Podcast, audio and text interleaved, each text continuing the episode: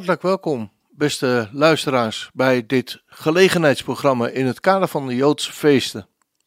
De dagen die wij momenteel beleven, worden er in Israël het Hanukkah-feest gevierd.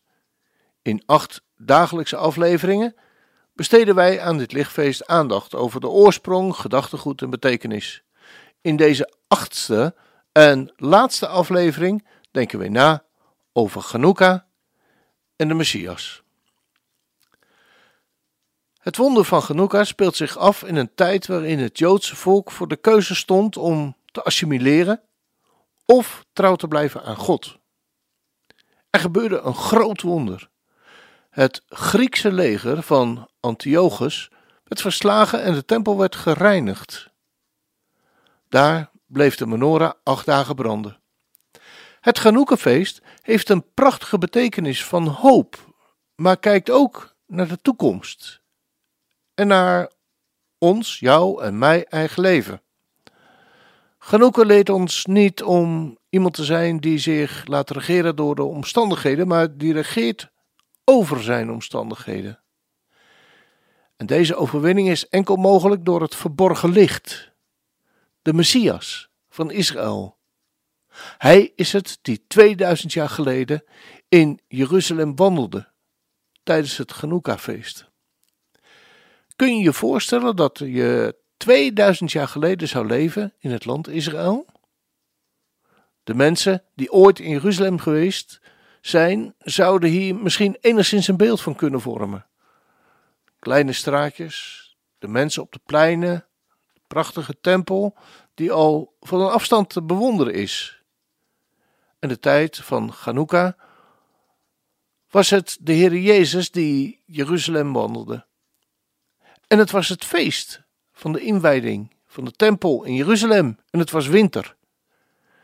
En Jezus liep rond in de tempel in de zuilengang van Salomo. Vanuit deze tekst uit Johannes 10, vers 22 zien we dus dat Jezus het Genoekenfeest vierde. Waarom was hij anders in Jeruzalem?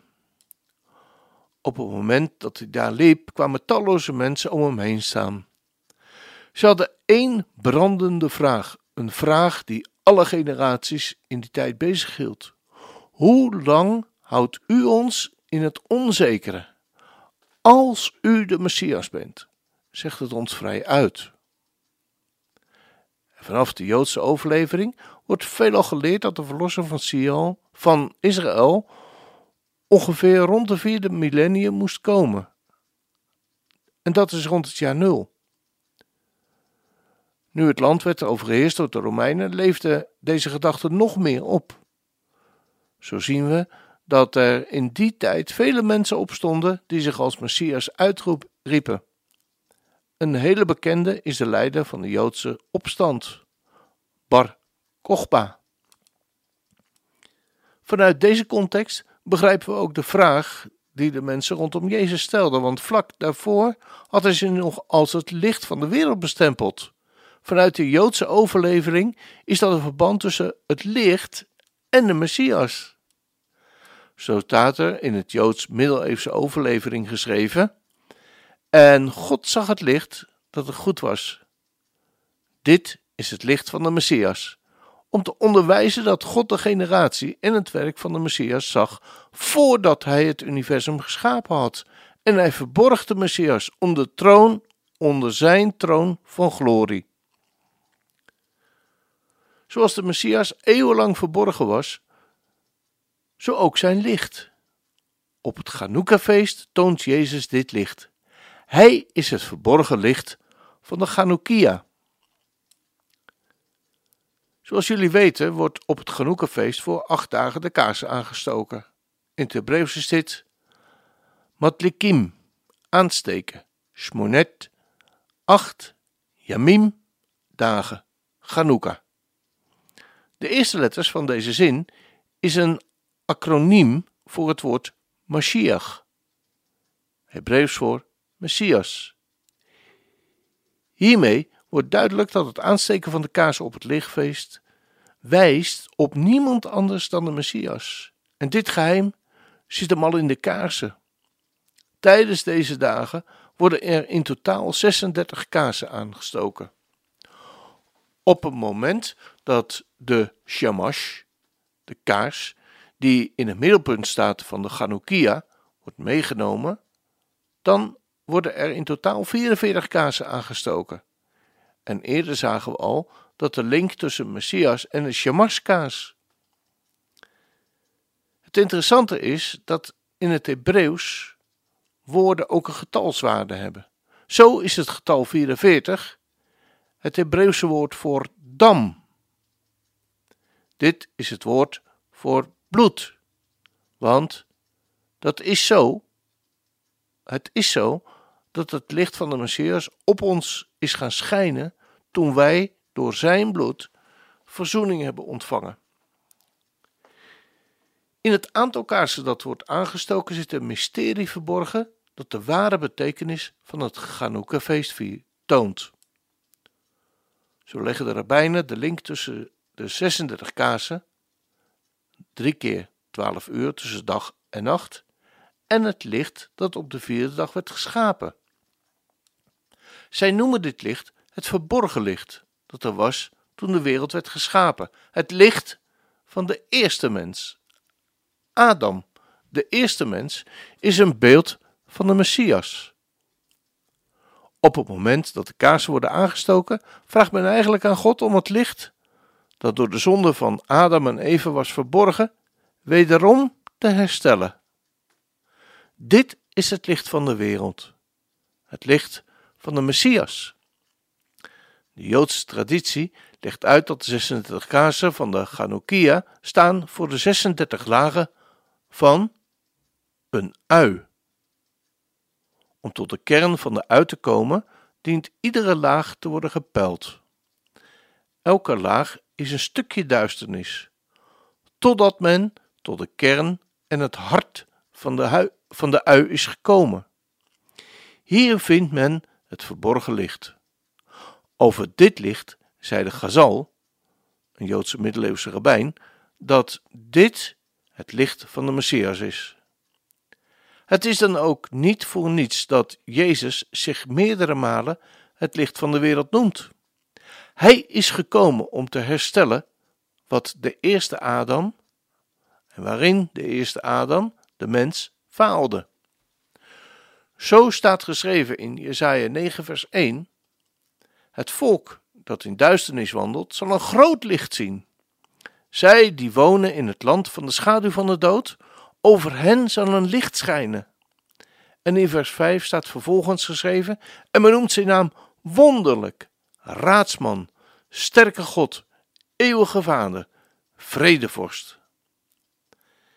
Binnen bepaalde Sephardische kringen is er een traditie door bij het aansteken van de kaarsen deze titels van de Messias te noemen. De, de heeft acht armen, waarvan zes het getal is van de mens, zeven het getal is van de Shabbat en acht het getal is van het bovennatuurlijke. Deze armen tezamen vertegenwoordigen de bovennatuurlijke komst van de Messias. Men zegt Pele, wonderbaarlijk, Joets, raadsman, El, God, Gibor, machtig, Avi, vader, At, eeuwigdurende, Shar, prins, Shalom, vrede. De link tussen de Messias en de Chanukka in deze uitzending is het samengaan van het licht in vers 1, het wonderbaarlijke in vers 5. Het Genoekenfeest gaat over, de over het wonderbaarlijke licht. Zo leert de Talmud dat een flesje met olie voor acht dagen bleef branden. Dit was enkel mogelijk door de olie die daarin zit. Deze olie in de fles is het hart van de ui, is het hart van de Chanukia, de Shemash, is het verborgen licht. In dit verborgen licht is niemand anders dan de Messias. Op dit moment is het licht van de Messias voor velen van het volk van Israël nog verborgen. Het doel van de Messias is dat het licht weer terugkomt naar Israël. Als dat gebeurt, dan zal de genezing van Israël betekenen. Dit zien we terug in het verhaal van Jacob in Genesis 32, vers 24 tot 32. Het was Jacob die worstelde met een man, waarvan hij in vers 30 zegt dat hij God heeft gezien van aangezicht tot aangezicht. Om die reden noemde Jacob die plek Peniel. Ik heb God gezien. In vers 31 wordt een detail vermeld waar veel mensen overheen lezen. Er staat namelijk geschreven dat de zon over hem opging en dat hij mank was aan zijn heup. De zon zorgde ervoor dat Jacob kon genezen van zijn wond en reeds mank kon lopen. Een van de bekendste rabbijnen, genaamd Rashi, zegt over dit vers: En de zon kwam op. Dit is een gebruikelijke uitdrukking. Wanneer wij ergens op een plek aankomen, brak de morgen aan. Dit is een eenvoudige uitdrukking. De Midrash Agadi legt uit en de zon kwam op en zijn, om zijn heup te genezen. Zoals er geschreven is in Malachi 3 vers 20, de zon van gerechtigheid met genezing onder zijn vleugels. Oftewel, de rabbijnen leggen uit dat het de zon, de shamash, was die genezing bracht over Jacob. Jacob kreeg tijdens deze gebeurtenis de naam Israël.